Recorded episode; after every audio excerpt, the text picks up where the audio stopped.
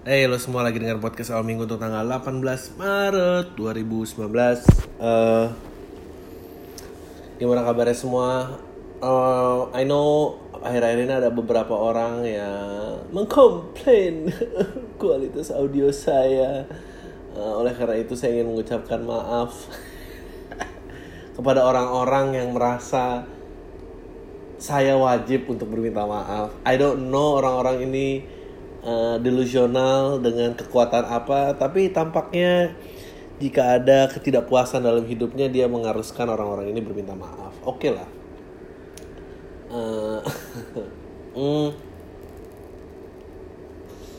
Ya nggak tahu kualitas audio itu kenapa suka ada yang ini ada yang aneh.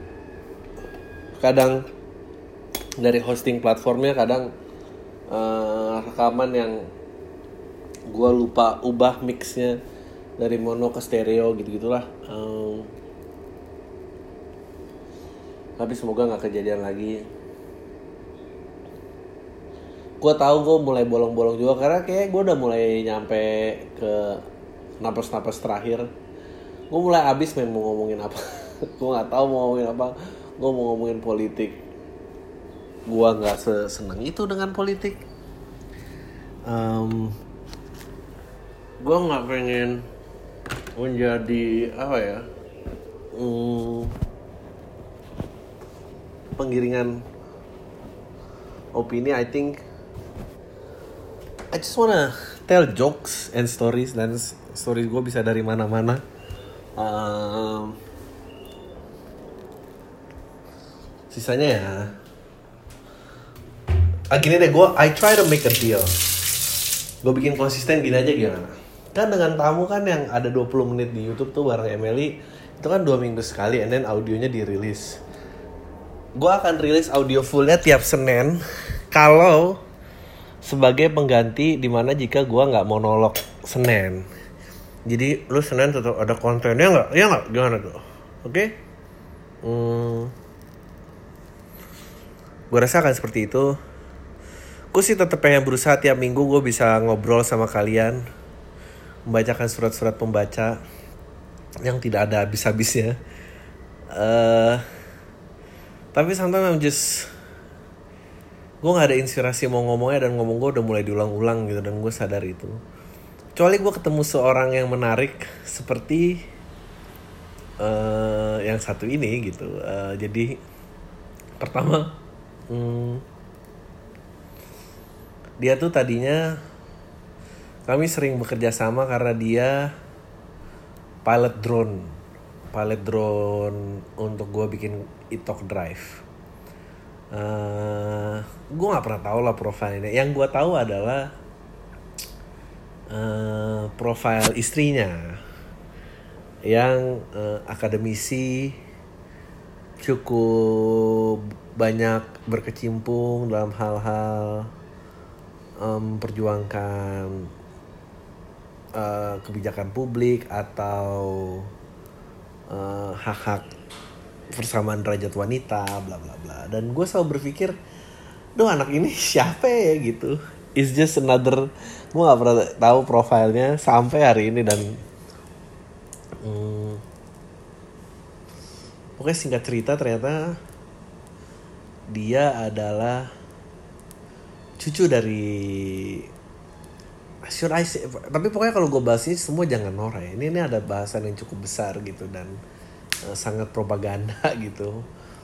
Uh, dia salah satu cucu maestro terkenal uh, yang dicap sangat kiri pada zamannya itu adalah Sujoyono dan gue baru tahu uh, ternyata apa namanya lu bisa ini, ini informasi publik sih uh, Aryan uh, Aryan Seringai itu juga cucunya Sujoyono jadi gue tapi Aryan itu bukan Aryan itu dari anak keberapa gue lupa. Jadi tapi ini gue ketemu anak pertama laki-lakinya.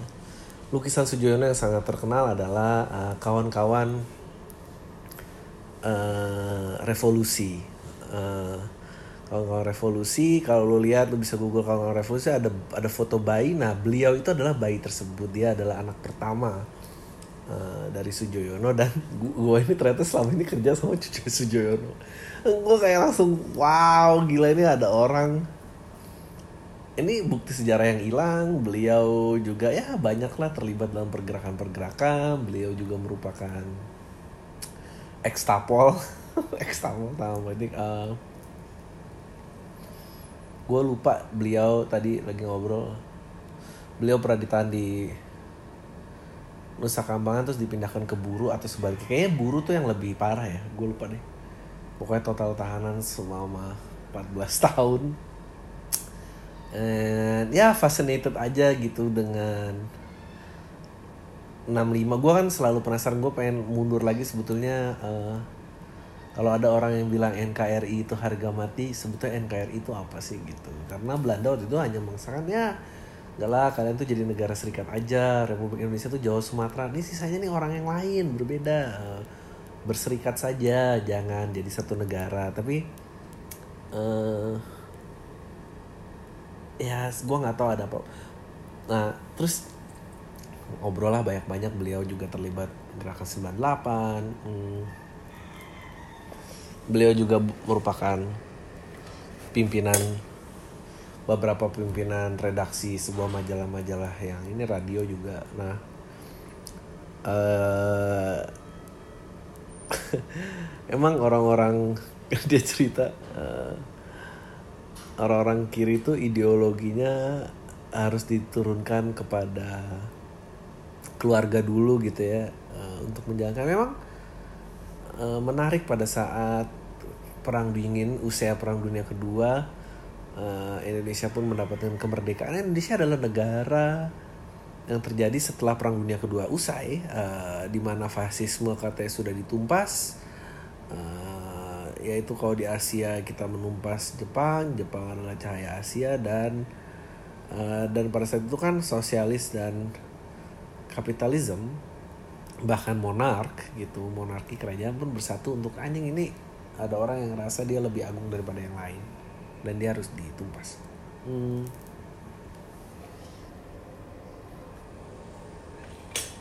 sebetulnya kan fasisme tuh uh, dasar-dasar ekstrim uh, tribalism ya. Hukum apa hukum-hukum tribal yang berusaha dijalankan gitu. Uh, ada yang menarik gitu obrolannya. Di buku sapiens juga ada bahwa in order society untuk berdiri society itu tidak bisa mengadop hukum-hukum yang membawa society itu mundur. Society harus bisa mencari hukum yang disetujui oleh semua orang uh, apa untuk membawa society ini bisa coexist dan terus maju. Makanya first rule of any religion and establishment adalah thou shall, shall not kill. Karena membunuh itu hmm, merupakan salah satu kebijakan yang membawa society itu mundur tidak bisa gitu. Bahkan dalam grup sendiri. Pasti pembunuhan itu diperbolehkan jika perang jika uh, apa namanya jika perang atau jika untuk kepertahanan bertahan diri bla bla bla dan segala macam uh, tapi in general pada saat suku satu ketemu suku lain dan mereka harus coexist mereka harus mengadop sistem itu. Makanya abis itu berikutnya adalah tidak boleh mencuri tidak boleh uh, istilahnya meniduri apa ya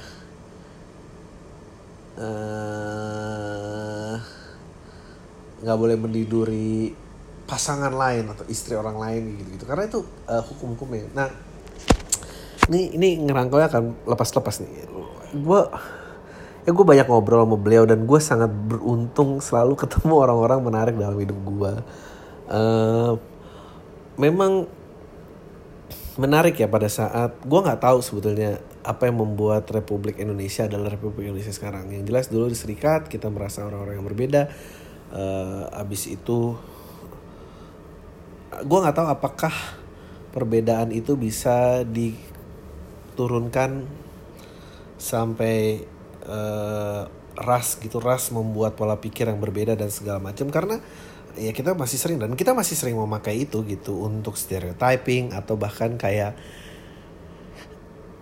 ya contoh lah kayak misalnya uh, Jawa dengan masyarakat timur atau ya aduh.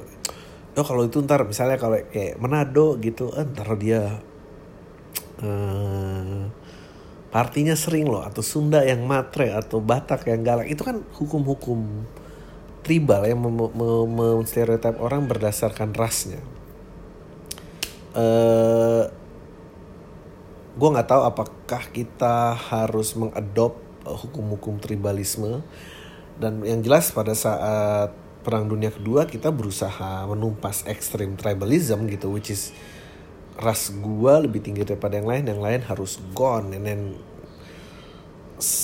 negara-negara lain yang memiliki yang membangun fondasinya tidak berdasarkan itu harus ber, menyisikan perbedaannya dan mem, menumpas uh, satu faham yang mengancam society dunia kan. Udah bersinggungan kan berarti ya udah harus ditumpas. Jadi kebijakannya harus dihapus uh, pada saat itu kan ya bisa Indonesia negara sebagai itu lahir dan Indonesia berusaha sebagai negara muda. Anjing gue mau ngambil faham yang mana ya gitu untuk uh, ikut atau istilahnya uh, apa ya untuk memberdayakan ya memberdayakan lah biar berdaya negerinya negerinya memberdaya. Apakah gue berdaya dengan tangan sendiri atau gue berdaya dengan bantuan asing. Sebetulnya itu sih. Problemnya adalah itu. It's not about uh, ideologi per se dalam artian kita anti faham ini anti faham itu you have to understand bahwa uh, kemakmuran tuh selalu yang dia kejar. Dan bagaimana cara mulai ke orang lain ya adalah tanpa bantuan orang lain gitu di mana orang bisa berdaulat gitu berdaulat dan berdaya um, dan bagaimana cara kita mencapai ke sana itu yang yang jadi trouble kan apakah kita uh, mau kanan atau kita mau kiri nih gitu. uh, dan banyak lah makanya uh, waktu itu meskipun presiden kita pada saat itu mengucap kayak nggak kita kata non blok deh gitu gue non blok ini perang-perang uh, negara-negara adidaya yang besar ini kita nggak mau ikutan. Kita cuma negara-negara kecil yang ingin berdaya saja kok gitu. Meskipun pada prakteknya ya, Indonesia banyak lah menerima bantuan termasuk pendidikan gitu. Karena kan waktu itu terutama yang berbau engineering dan pengetahuan ya karena manusia buat orang-orang kiri pada saat itu yang menjadi tujuan adalah nggak pemberdayaan manusia tuh ya kepintaran, sains gitu. Kita harus bisa mengeksplorasi uh, manusia tuh lebih dari sini perdagangan, kekuasaan itu nggak penting lah itu semua secara ekonomi maksudnya itu semua distraksi gitu. Semua bisa dengan uh, manajemen kapitalisasi yang baik dan itu masih diterapkan menurut gue seperti negara-negara uh, Eropa gitu ya Eropa Eropa yang maju gitu atau enggak negara Skandinavia gitu. Uh, mereka kapitalis tapi kebijakannya sangat sosialis gitu. Nah kenapa sih gitu kapitalisme membenci sekali sosialisme gitu? Karena sosialisme tuh uh, sebagai ideologi dia memang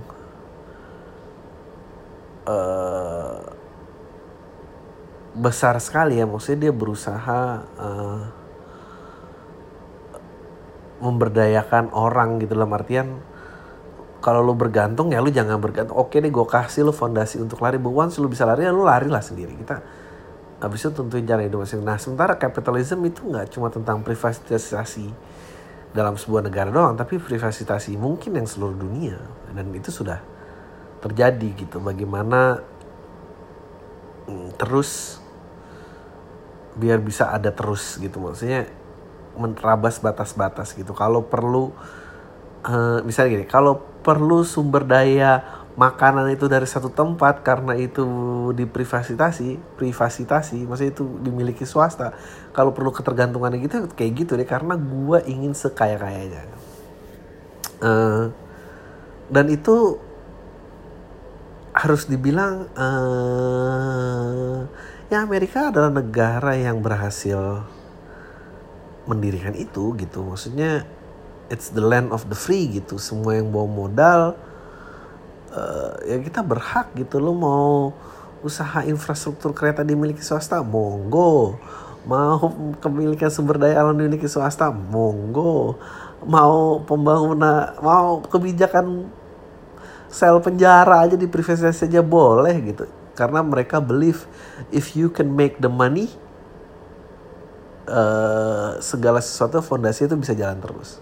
Tapi di kiri tidak percaya di kiri percaya nggak kita yang kebaikan buat semua orang lah. Orang uh, urusan-urusan fondasi primernya dan segala macam itu uh, kita ilangin dulu worrynya di situ. Kalau enggak orang kapan bisa naik uh, dalam kemerdekaan yang sesungguhnya kapan bisa mencapai uh, kalau di Maslow tuh uh, hierarchy of needs tuh self actualizationnya kapan gitu. Udah yang biar bisa nyampe atas dia nggak usah ini gitu. Uh, ya habis itu kan mulailah space exploration dan segala macem. Um, gue lupa ya urutan urutan perkembangan budaya manusia tuh gimana? I think kalau gue boleh rumusin it's the messiah. Gitu messiah yang akhirnya uh, menjadi raja gitu. Makanya raja-raja masa dulu selalu mengaku uh, the son of the divine gitu uh, turunan dari yang maha kuasa gitu untuk instill law and order dan juga fear gitu. Law and order dan juga fear biar ada kepatuhan gitu. Uh, abis itu hukum yang selalu diturunkan gitu. And then uh, sosialisme dan kapitalisme ya nggak melihat itu karena uh, sebuah kebijakan hidup itu pasti akan runtuh berdasarkan pergeseran zaman. Kita lama-lama tahu kayak eh nggak ada lo son of the divine gitu. Ini kita dibego-begoin doang nih kita ada yang lain gitu anyway manu Indonesia banyak berpihak ke kiri ya. Dia tuh ngomong ya uh, surat dari Praha film visi namanya itu kan cerita tentang orang-orang yang ya dulu menerima bantuan dari negara-negara kiri tersebut berbeasiswa apa tiba-tiba uh, sebuah order runtuh uh, orde lama runtuh orde baru naik uh, dan mereka kehilangan warga negaranya mereka nggak mau berganti warga negara mereka kehilangan warga negara ya udah mereka nggak bisa pulang. Dia bilang gue ngobrol ya itu teman-teman saya. Oh gitu. Oke anjing. Uh, tapi ken ken kenapa sih uh, ya itu karena memang kita memilih ya untuk dekat dengan siapa gitu. Um, visinya waktu itu kan berusaha gimana kita lepas lo kalau baca Confession of Economic Hitman tuh dia menceritakan bagaimana di, mereka bisa menginfiltrasi-infiltrasi uh, negara-negara yang menganut kiri gitu atau di bawah pengaruh kiri agar dikuasai gitu oleh negara adidaya yang satu ini gitu. Um, harus dia, dia bilang nggak ada yang namanya bantuan gratis tuh nggak ada pasti ada sesuatu di belakang itu semua gitu. Dan mereka masuk seperti itu mempengaruhi kebijakan bahkan mempengaruhi keputusan politik. Hmm. Dia akan bilang dia jelasin bagaimana cara menjadi uh, bagaimana cara men menunggulingkan kekuasaan. Dia bilang uh, pertama presiden yang berkuasa kita ajak korup aja. Uh, bagaimana setelah mereka dibebaskan dari uh, mereka baru berdiri ini negara-negara perang dunia kedua gitu mereka berusaha masuk. Eh lo uh, dengan NGO NGO gitu gitulah uh, uh, bilang eh lo mau negara lo mau punya lampu nggak? Gitu lo mau negara lo mau ini nggak? Mau punya listrik nggak? Negara lo mau punya mobil nggak? Kita kalau mau nih gue kasih nih pinjaman nih gitu negara lo mau nggak ngebor minyak bumi? Gitu. Gue kasih nih pinjaman infrastruktur segala macam. Um, diajak korup seperti itu. Mau nggak mereka nge-granted? Kalau nggak mau ya udah kita bikin gimana caranya uh, itu kacau di negara tersebut dan harus diganti dari oleh bonekanya kami lah istilahnya dia bilang. Um, kalau kalau nggak mau kalau mau ya udah beres langsung jalan. Dan itu yang terjadi juga di sini gitu. Hmm, kalau nggak dibikin perang dibikin apalah bikin susah lah. Uh, udah gitu pada saat terjerat dia akan bilang lo ya udah lo kalau mau bangun gue kasih pinjaman. Tapi tapinya adalah semua yang ngebangun tuh adalah kontraktor dari negara kami. Jadi uang dipinjemin tuh udah balik lagi. Habis itu kan lo nggak bisa bayar. Ya udah habis itu nggak bisa bayar biasanya di exchange dengan gue mendirikan uh, military base di sana atau gue penukaran jatah sumber daya alam bla bla bla. Ya udah habis itu lock kan tuh lo ketergantungan. Meskipun pasti nggak sesimpel itu tapi uh, gimana ya, ekspansi negara itu kan ap, apakah gini kalau ditanya uh, ya sebetulnya itu adalah cara yang lebih damai sih maksudnya dalam artian uh, pertumpahan darah yang diminimalisir gitu maksudnya lu tidak ada uh, perperangan lagi basisnya uh, ras, bendera atau lu udah nggak ada lagi gitu. Apakah itu cara yang lebih lama? Iya. Apakah itu impactnya buruk in long run? Jawabannya iya juga. Itu yang sulit kayak sebetulnya manusia tuh harus gimana sih? It's the fight for oil kan. Katanya sih perang dunia ketiga. Yang tapi yang lucu adalah kemarin gue pernah bahas ya. Perang dunia ketiga katanya akan diributkan itu kepemilikan air karena itu benda yang sebetulnya sangat kapitalis dalam artian kalau gue bilang kapitalis itu sebetulnya uh, sebuah ketersediaan tuh selalu terbatas tapi demandnya naik terus dalam artian kalau memang ketersediaan terbatas dan demandnya dia harus bisa dibilang seperti barang langka dong maksudnya lu punya sepatu seribu demandnya seribu uh, demandnya satu itu kan sepatu pasti berusaha lomba dimurah-murahin. Tapi kalau kebalik gitu di mana seribu sepatunya cuma satu pasti kan waktu itu masih harganya naik gitu. Tapi kita tidak membangun society kita based on capitalism buat air gitu. Itu yang bakal mengerikan sebetulnya.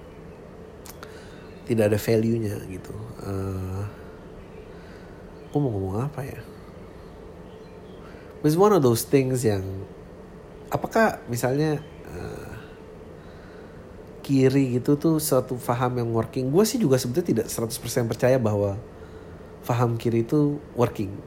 Dalam artian gini, um, harus ada pemodifikasian gitu. Uh, penanam modal menurut gue boleh masuk karena gimana pun juga negara itu butuh dukungan apalagi dia negara baru tapi tapinya adalah uh, pengelolaan pendistribusian itu harus based on interestnya negara, negara harus bisa melindungi. Tapi kalau negaranya sama-sama siding dengan pemodal, ya wassalam lah, mau gimana. Uh, menurut gue Singapura sangat sosialis dengan penggunaan hak tanah karena dia tahu lahannya terbatas, housing itu 85% dipegang negara. Lu lu kebayang gak sih kalau misalnya Singapura gitu, tapi uh, Jaya Group terus Sinarmas gitu. Maksudnya ada Jaya Group ada Sinarmas. Kayak apa coba kesenjangannya? Maksudnya tapi dia nggak bisa dia nggak gue nggak tahu bagaimana caranya orang bisa kompak bahwa look yang ini nggak bisa terserah dia kalau yang lain gimana. Uh, pembagian-pembagian sektoral aja gue rasa Cina gitu ya. Ya kalau makanan mau masuk ya boleh tapi kalau apa masih gue atur nggak bisa gitu Uh, dan gue merasa ya bahwa mesti fungsi negara ada di situ. It's one of those things yang lo nggak bisa mundur bongkar lagi karena apa? Karena it's like uh, ada tuh dokumenternya uh, namanya Too Big to Fail. Jadi uh, ini gue kasih contoh Too Big to Fail tuh kayak gini nih. Uh, istil itu istilah untuk ya kalau kalau mau mundur tuh udah telat. Mau gimana mundurnya udah kejauhan men gitu. Ini kan terusin aja nih sampai ujung gitu. Ntar lagi. Uh, kayak uh, kayak apa huruf Cina gitu uh, kanji Cina gitu itu kan salah satu uh, budaya yang terkurung waktu tuh sebetulnya maksudnya Skandinavia belajar kayaknya the ya Skandinavia belajar waktu itu dari mana bahwa ke Romawi bahwa eh dulu juga itu dilewati oleh bangsa Barat gitu bahwa eh ternyata eh, kata tuh nggak harus dibikin per karakternya ya gitu bisa dibongkar per suku kata ya which is yang masih dipakai dengan Jepang bisa juga dibongkar per bunyi huruf gitu. Pada saat berbunyi huruf kita bisa hanya menggunakan kombinasi huruf tersebut untuk merangkai kata-kata apa pun kita nggak harus memperbanyak. It's like the safety net eh uh, it's like the safe deposit security gitu kombinasinya ya udah bisa dipakai-pakai gitu. Nah tapi kan kayak Cina gitu aja udah berapa puluh juta karakter gitu papa ketik Cina. Mau balik juga ini gimana cerita? It's it's too big to fail. I, they cannot afford to fail. So it's like ya udah sekarang kayak gini uh, di ideology misalnya kiri dan kanan ya lu udah kejerat ya nggak bisa nggak bisa mau balik lagi ke kiri. Ya udah salah sih dari dulu mestinya balik aja. Uh, itu not helping juga nggak membuat tambah maju gitu. Jadi lo harus mencari uh, apa ya namanya common ground di mana dua-duanya bisa coexist uh, di mana ya ada hal-hal yang uh, primary lo gitu. Lo harus bantu ada yang uh, untuk investment dan capitalism gitu. Uh, misalnya ya. Lu gue nggak make sense gak sih? Ngomong gue kayak ngomong panjang tapi nggak make sense ya. Udah 26 menit li. Uh, kapat capitalism I don't know will it fail? Gue rasa oke okay, tadi kalau ngomong orang tentang Messiah menjadi kingdom abis itu kita tahu bahwa bukan itu intinya. And then buat uh, rakyat then orang mulai memilih presiden memilih penguasanya berganti secara berkala orang-orang yang monark udah mulai gugur and then pada saat state and then lo now you have states capitalism ada state based on socialism. Pertanyaan berikutnya adalah will state itu fail? Dan pada saat state itu fail, kita sebagai manusia how do we appoint our leaders? Gue rasa uh, akan balik lagi, siklusnya akan balik uh, ke pengkultusan, penabian lagi gitu. Which is sudah terjadi dengan uh, kolam tai dan saya. kebijakannya karena there's so many belief di mana orang udah nggak bisa lagi di contain of berdasarkan geographical location gitu udah nggak bisa gitu. Lu you wanna be with someone yang adopt the same value gitu. Um, flat earth dengan flat earth. Anti vaksin menurut gua yang anti vaksin tuh udah kumpul aja sama anti anti vaksin lainnya jangan kumpul sama orang lain. Uh, eh, gue penasaran sih. I, I think calon-calonnya udah kelihatan kalau mau pengkultusan nabi lagi pada saat konsep state ini fail dan akan fail. Kenapa akan fail? Karena internet sekarang allows us of uh, it's funny memang jadi gini state itu terjadi capitalism dan socialism itu terjadi pada sebetulnya kita tahu ada sumber energi atau resources yang terbatas dan bagaimana cara pengelolaannya. Satu berpihak pada pemodal, satu berpihak kepada kebaikan negara. But still we social itu di structure based on sesuatu yang limited. Nah, pertanyaannya adalah can human misalnya air gitu yang ter pada saat nih air habis nih, ini pasti kita akan perang. Gue yakin kita akan perang. Ya orang airnya habis, gimana men? gue berharap gue udah mati. Ya, karena gue nggak tahu kalau ngeributin air, gue mau ngelawak juga nggak tahu main ngelawak tentang apa. Gue nggak bisa tuh ngelawak tentang um, ada yang percaya ya. Uh, air itu kalau anak kecil boleh minum 4 gelas air, kalau orang dewasa 2 gelas saja cukup tiap harinya ini dia akan ditangkap. Eh lu nggak boleh nyebarin ajaran kayak gitu. Ini ada penguasa air yang nggak suka.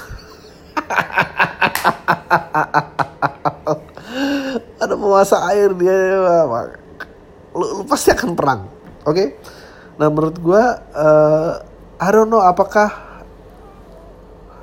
will we ever found something yang uh, itu yang tertarik dengan dia uh, apa dokumenternya uh, apa namanya dokumenternya Zaid guys ya. Dia bilang semua itu based on dia bilang perperangan yang terjadi di dunia itu semua selalu bukan struggle of power sebetulnya struggle of resources. Struggle of limited resources. Either lu pengen ngambil resources orang atau resource lu tinggal dikit dan lu berusaha fight. Kepemilikan itu jatuh ke siapa. Dan sebetulnya uh, yang menarik adalah cara misalnya energi misalnya listrik gitu ya, ya listrik itu nggak perlu lagi dari uh, sumber daya alam. Maksudnya sumber daya alam yang limited ya kayak minyak bumi batu bara bla bla bla. Udah kita pakai manfaatin angin. Meskipun gue udah ngobrol dengan engineer angin dia, bilang renewable energy itu nggak segampang itu kata infrastrukturnya.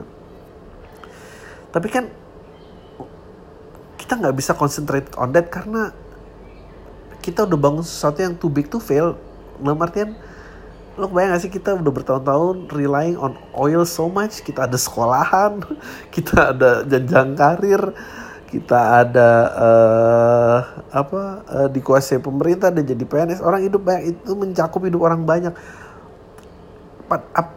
Jika kita menemukan penyembuh kita dari adiksi energi yang terbatas can we move quickly nggak bisa pasti ntar terjadi riot. Dan itu beneng lah pasti gimana gitu. Uh, bagaimana cara mengkontrol rakyat ya bisa nggak ada yang peduli aturan lagi gitu. So jadi gue bahas apa tuh? Gue bahas kontrol bahas limited sources. Uh, it's too big to fail. Kita terusin aja deh. Semoga tengah jalan kita ketemu di jalan keluarnya.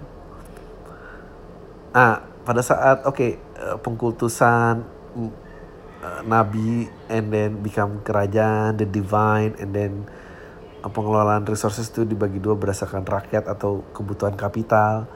Dan ini akan balik lagi. Dan gua rasa Tuhan-Tuhan barunya adalah Are you ready? dua yang udah kelihatan jelas menurut gua.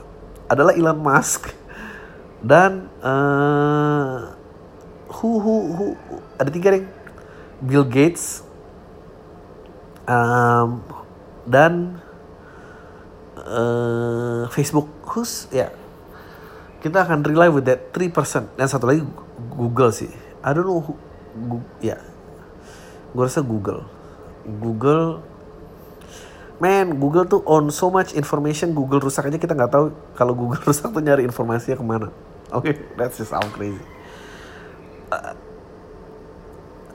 dan they will find a way either mengcapitalize yang sesuatu sudah limited banget atau sesuatu yang unlimited itu dibikin limited. Uh, misalnya pengaturan speed internet atau pengaturan uh, cloud drive. Cloud drive itu kan sesuatu yang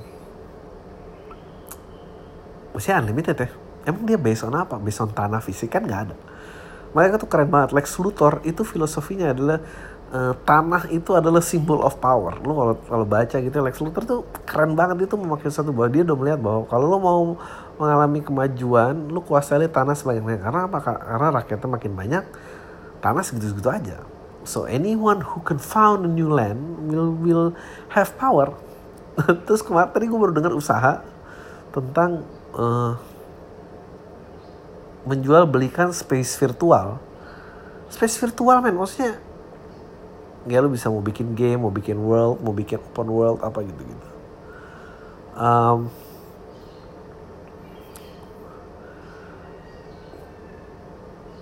memang ya, yang perlu dijawab adalah sebetulnya akankah terlihat zaman di mana manusia uh, apa um, dia hidup tanpa uh, penguasa dan dibebaskan untuk mengambil semua kebutuhannya gitu. Itu yang nggak pernah bisa dilihat kan? Dan still coexist. Kayaknya our greed itu will destroy one another gitu sih. Ya mungkin sekian dulu ya pembicaraan gue I don't gue tau gue ngomongnya berantakan but I think it's a very interesting topic. So it's not about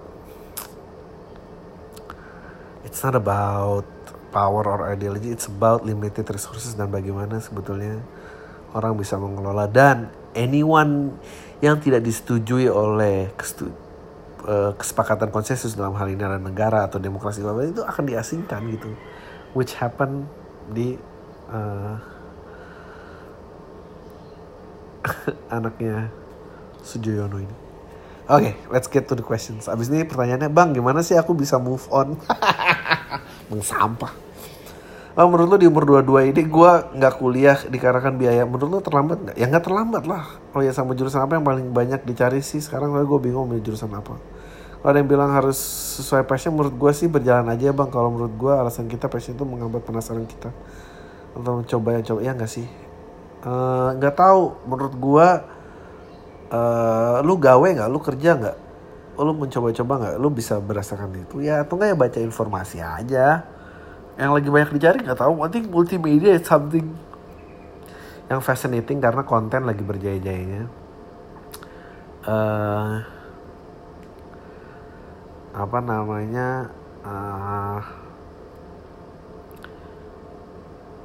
eh, konten berjaya. Anything with technology menurut gue itu uh, teknologi informasi ya. Itu sesuatu yang bisa lo ambil. Oke okay, assalamualaikum. Waalaikumsalam. Jadi gue punya sahabat sejak SMP sampai SMA satu sekolah.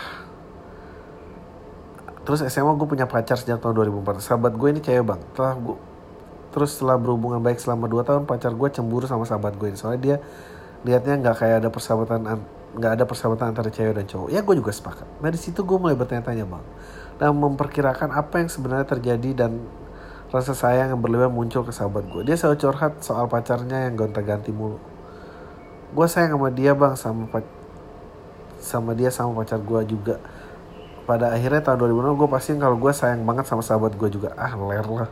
Pacar gue tahu perusahaan gue ini karena gue jujur terus gue selalu galauin sahabat gue ini. Gue bikin puisi, gambar, update-update kenyataan pahit sampai gue nggak mikirin perasaan pacar gue dan dia juga selalu curiga padahal nggak semua karya gue ciptakan buat sahabat gue. Buset gue merasa terkekang bang sampai pada bulan Februari kemarin gue break sama dia sampai sekarang dia nyuruh gue jujur ke sahabat gue yang berakibat gue kehilangan sahabat gue bang gue nggak bisa milih pacar gue sekarang karena gue nggak mau dia karena sahabat gue nggak milih gue bang. Lah gimana sih? Semua gimana? Perasaan gue ketahan ke sahabat gue soal laki-laki yang dekat sama dia. Dan semua cerita ini udah 4 tahun 8 bulan gue jalan sama dia.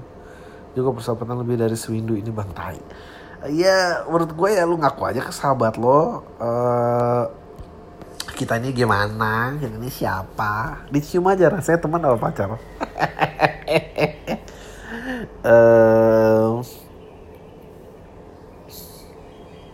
iya.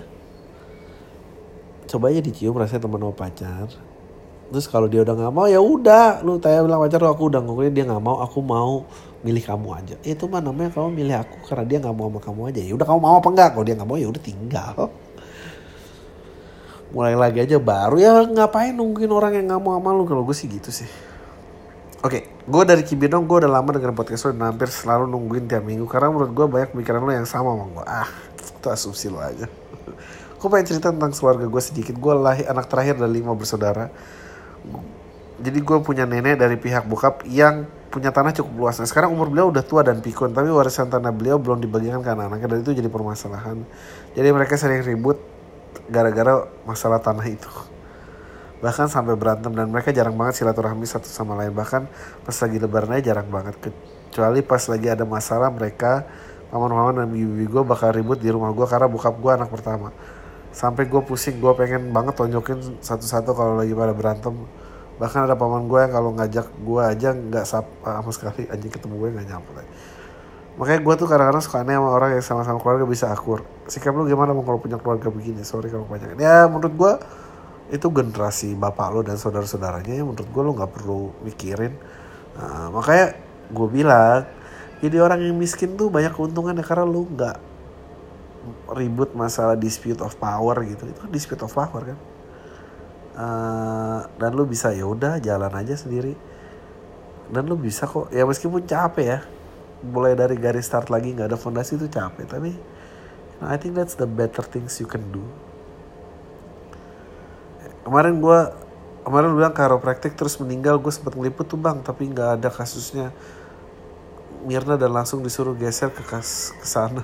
Akhirnya kasus chiropracticnya menguapkan. Yang chiropractor kemarin kan tuh ah, menggila orang.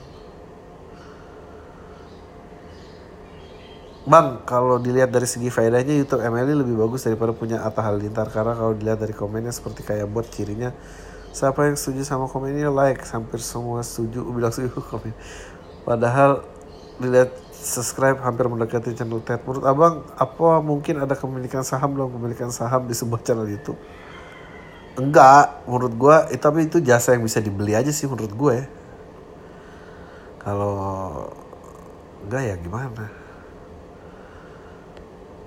Oke. Eh Bang, gua 22 tahun yang tinggal di Jakarta Selatan. Lu mau lu tahu kan kalau Minggu ada film Captain Marvel. Jadi banyak teman-teman gue yang udah nonton film tersebut dan enaknya dan dengan enaknya menginstastori film tersebut walaupun sebatas-batas. Menurut lo hal kayak gitu perlu dilaporin gak sih? Soalnya gue orang yang gatel banget pengen lapor ke pihak yang berhubungan nah, tapi nggak enak karena mereka tonton gue. Apa sih benefitnya? Ada benefitnya nggak sih kalau ngelapor? Thank you bang. Eh benefitnya emang nggak ada, nggak tahu ya. Kita nggak meng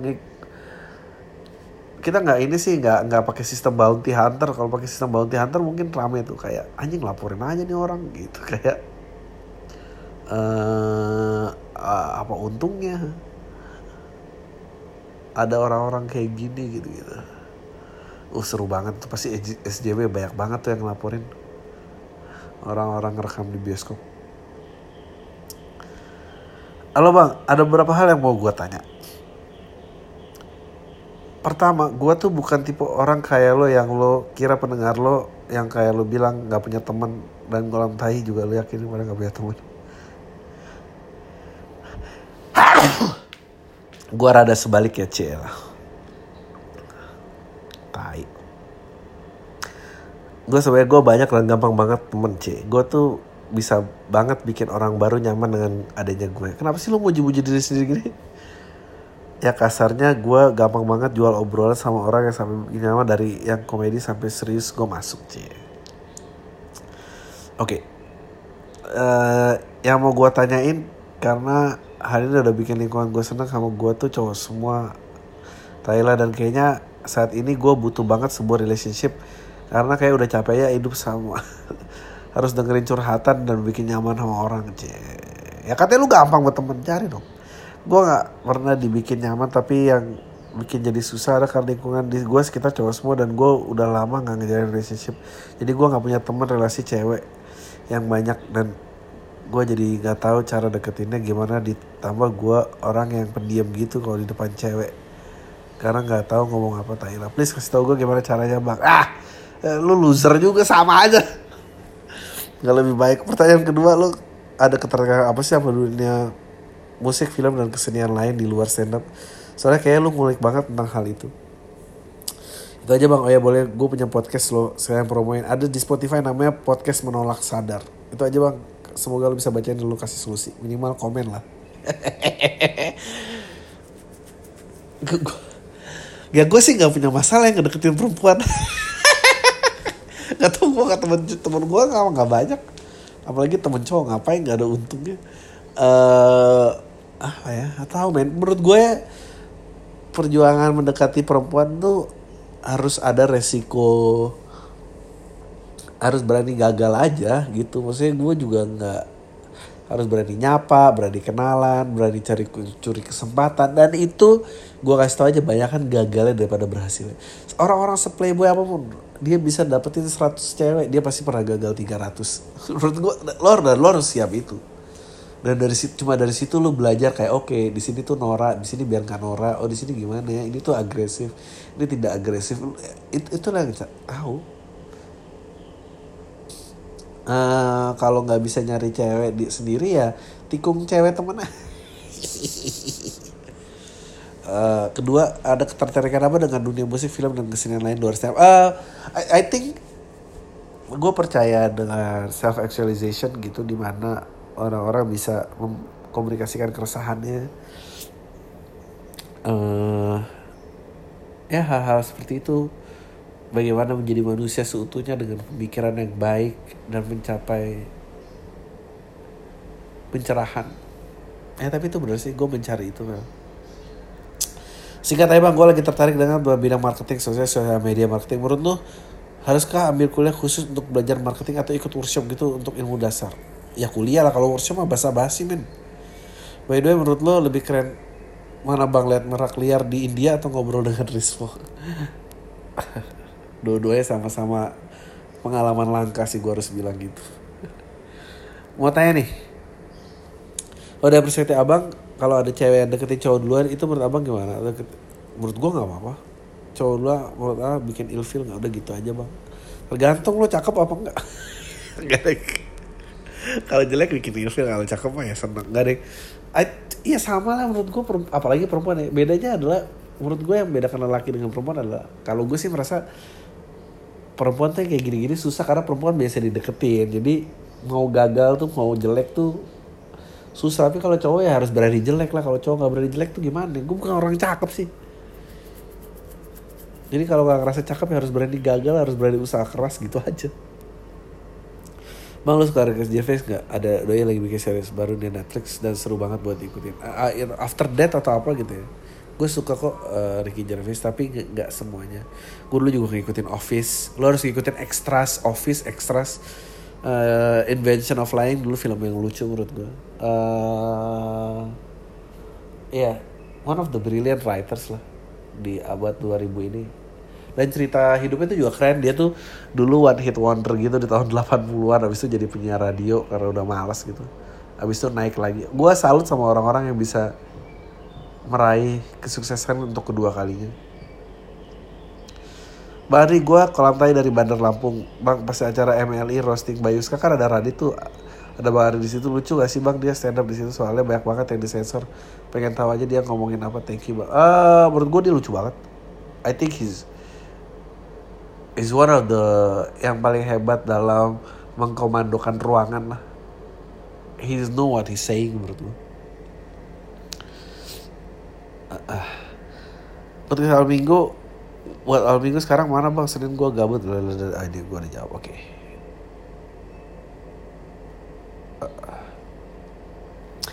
Gara-gara Pilpres 2019, ingatan di masa lalu di bangkai atau bangkai di Pilpres 2014 diudal-udal lagi isunya.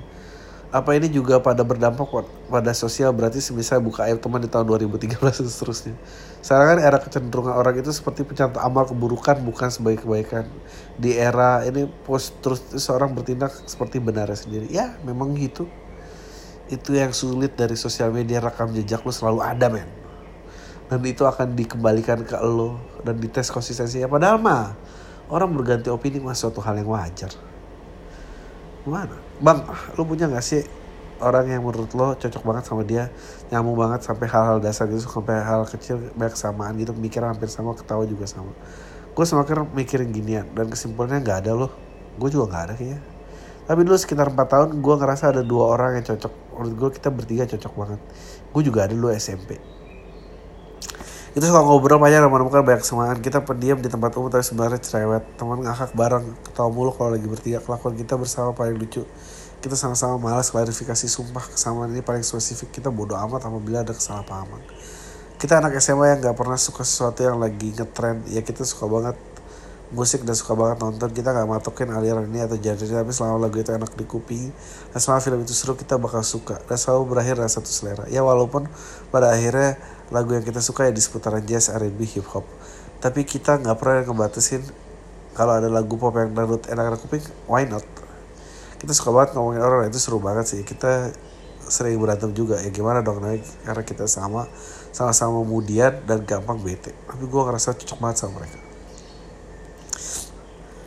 Eh, sampai akhirnya kita kuliah kita universitas yang berbeda jurusan yang berbeda. Kayak sebelum kuliah kita buat farewell party. Tai farewell party buat diri sendiri aneh juga ya. Sedih-sedih gitu sampai awal kita teleponan mulu bisa 6 bisa kali 6 jam sekapan kirim kado segala macam. Sekedar kirim pes untuk ngabarin untuk nambahin koleksi. Ya gitu gitulah lama-lama makin berkurang sampai akhirnya kita mulai sibuk sama sekolah masing-masing. Sehingga kita punya teman-teman masing-masing. Salah satu dari kita tiba-tiba mulai famous di medsos gua nggak tahu awalnya gimana dia mulai temenan sama orang di medsos lainnya. Lu gue mendapatnya kita terutama kita tidak se-eksklusif dulu. Cielah ini banyak banget ya. Oke. Se-eksklusif dulu. Yang gue inget kita nyambung karena kita kebanyakan dia di tempat umum tapi setiap ngumpul baru cerewet banget. Kita semua kata-kata yang bisa dah. Ya gue nggak masalah sama itu sebenarnya. Gue ngeliat dia udah dapat banyak uang dari situ. Ya gue rasa happy dong liat teman gue sukses. Tapi gimana ya lihat dia mulai asing menurut gue gak kayak dulu padahal menurut gue obrolan kita gitu kuat dan dalam banget cel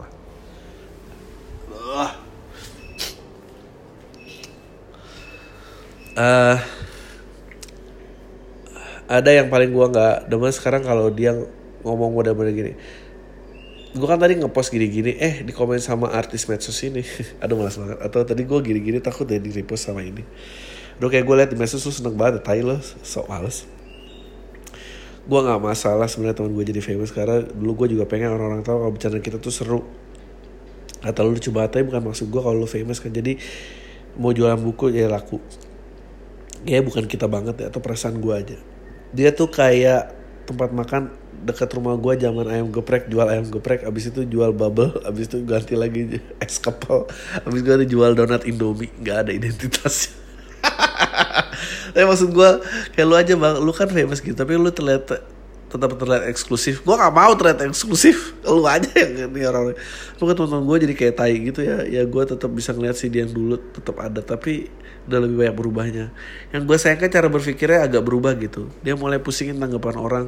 Gue juga mulai pusingin tanggapan orang. Kayak lu aja proses tentang audio. Apalah itu. Eh dia gini kalau dia itu ngepost gitu ya mungkin artis emang kayak gitu ya tapi kayaknya nggak nggak gitu juga. Ya tapi yang nggak kayak gitu siapa? Dian Sastro. Dian Sastro aja gue yakin pusing mikirin posting apa kagak. Eh dia nggak mau dia dulu suka banget ke Java Jazz ke eh, Red White Lounge. Kayak sekarang DBP pertanyaannya gue harus apa cari teman baru. Tapi jujur gue selama kuliah gue nyari gak dapet loh tetap kayak mereka. Coba nulis sedikit tapi nggak bisa dapet. Susah di tempat kerja. Menurut gue I think you need to grow up. Because ya itu yang terjadi dengan pendewasaan orang ya. Orang berubah-berubah orang ya menemukan tempatnya. Gue dulu juga ada eh, teman dari SMP eh yang sejawat banget. SMA tembus gue nggak teman SMA gue nggak berjalan gue punya teman kuliah eh, teman SMP gue masih ada. Gue sampai awal kerja gue punya geng SMA yang terbentuk lagi karena kerja terus bubar and then gue masih teman SMP itu masih bertahan. Abis itu sekarang gue udah nggak pernah kontak-kontakan lagi. Eh, yang satu menemukan agamanya yang satu I don't know kayaknya udah sukses and then gue kayak gini udah. Itu you find new friends menurut gue se ideologi dengan lu tuh nggak akan pernah ada sih. Uh, I think the best that you can do adalah uh, oh kalau gue sama dia you can you know appreciate the romance saja. Ntar one day lu ketemu teman yang baru pun dan lu akan graduate dari situ. Lu akan selalu lulus dari sebuah tempat sih. Karena kalau nggak lulus juga lu stagnan sebetulnya. Oke Eh, salah satu pendengar di Bali umur 23 udah kerja sekitar setahun. Gini bang, saya dan pacar saya lagi agak bingung gara-gara beasiswa S2 ditolak. Tempat kerja prospek ke depannya kurang menjanjikan ya. Dan kalau anak muda mengejar sukses pada umumnya. Kan abang pernah bilang kalau umur-umur segini masih bingung mau ngapain dalam hidup, coba banyak hal-hal baru, ketemu orang baru, traveling dan lainnya biar sudut pandang lebih luas. Nah, saya dan pacar saya kebetulan lagi pengen trip ke Labuan Bajo. Pernah ke sana nggak bang? Nggak pernah. Gimana suasana di sana? Saya nggak pernah ke sana. Yang saya mau tanya menurut abang kota-kota mana Indonesia yang orang perlu kunjungi dan perspektif apa yang bisa digali dari kota-kota tersebut? Aduh, banyak banget men. Kalau lu suka seni ya lu harus ke Jogja. Eh, lu harus ke Bali. Eh, menurut gua lo harus ke Sumatera juga lo harus lihat Palembang lo harus lihat Padang banyak banget men kalau ngomong kalau lo interestnya adalah orang lo gak akan ada habisnya sih. Lo harus lihat ke timur. Tapi you can always start from Labuan Bajo dan gue belum pernah ke sana selalu ada perspektif yang berbeda. Ad, Bang Andri thoughts on shooting in New Zealand? Ah my condolences aja sih. Gue I don't know. Eh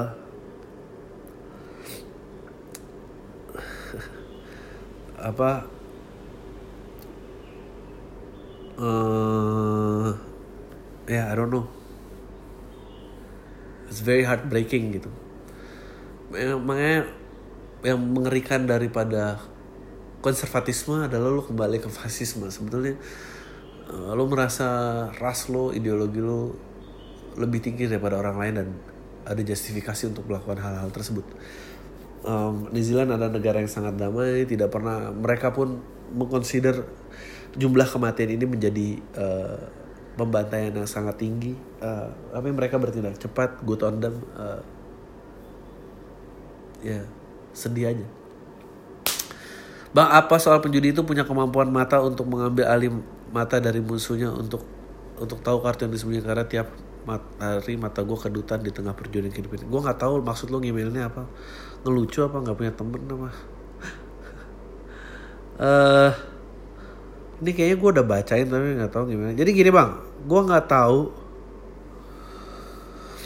normal apa enggak untuk anak umur 17 tahun ini udah pernah ngerasa stres gara-gara gue khawatir setelah gue lulus SMA gue bakal pengen gue gue pengen kerja di restoran atau terjun ke industri F&B walaupun gue akan sekolah kuliner Surabaya. Gue itu stres mikirin seberapa besar pressure yang akan gue dapat ketika gue bakal kerja di dapur bang. Terus mikirin gue jadi kayak gini karena gue terlalu banyak nonton film tentang kehidupan chef. Misalnya penuh tekanan atau gue cuma lebay ya lebay menurut gue. Atau ini salah satu tanda dari Tuhan bahwa gue sebenarnya gak usah dibilang enggak. Lu menurut gue lu lebay dan lu kebanyakan mikir tanpa pernah mau nyoba. Cobain aja dulu. Kenapa harus bingung tapi emang pressure buat kalau lulus dari SMA emang itu pressure yang nyebelin sih tapi menurut gue lo jangan hidup karena jangan biarin tekanan lo mempengaruhi pikiran lo sih gitu sih menurut gue lo nggak pernah tahu men dan gue nggak bisa nentuin ini buat lo tapi kalau bilang kayak lu betapa stresnya nanti ya gini-gini. Anjing sampai di dapur aja belum. Gue mau tanya satu hal lagi. Bodoh gak sih? Gue suka punya cewek yang pernah nolak gue waktu SD walaupun cinta monyet dan gue masih suka sampai sekarang. Enggak sih. Gue mau nembak dia lagi nih cuma cewek ini anaknya gue lihat alim banget walaupun terdengar gosip dia pacaran suk yang mana gue milih untuk tidak percaya karena tidak ada bukti cila dia ah gimana sih? Karena alim banget. Walaupun sering terdengar gosip kalau dia pacaran yang mana gue milih untuk tidak percaya karena tidak ada bukti. Ya lu percaya lo kon tidak menguntungkan diri lo banget ya. Kalau dia pernah pacaran kan itu menguntungkan buat lo tapi lo pasti ngerasa rugi kok dia pernah pacaran sama yang lain? Jadi lo nggak pengen percaya gitu. Anjing aneh banget. Jadi gimana menurut bang? Apakah aneh gue suka sama satu perempuan yang sama dari SD gue dianggap sahabat terbaiknya by the way. Sorry bang kepanjangan nggak menurut gue lo lebay banget sih. Kayak hidup di kepala lo sendiri ntar di dapur pressure. Aduh gue suka sama orang dari SD ini lebay apa enggak? Anjing semua kayak konsep gitu. Uh, I, I I think you should just do it. Uh, ya kalau gagal move on. Dan untuk kedua-duanya ya untuk lu mau kerja di dapur atau lu deketin cewek ini ayolah get out of your mind man. Gue jadi motivator gini. Dah itu aja tayo lu semua. Deh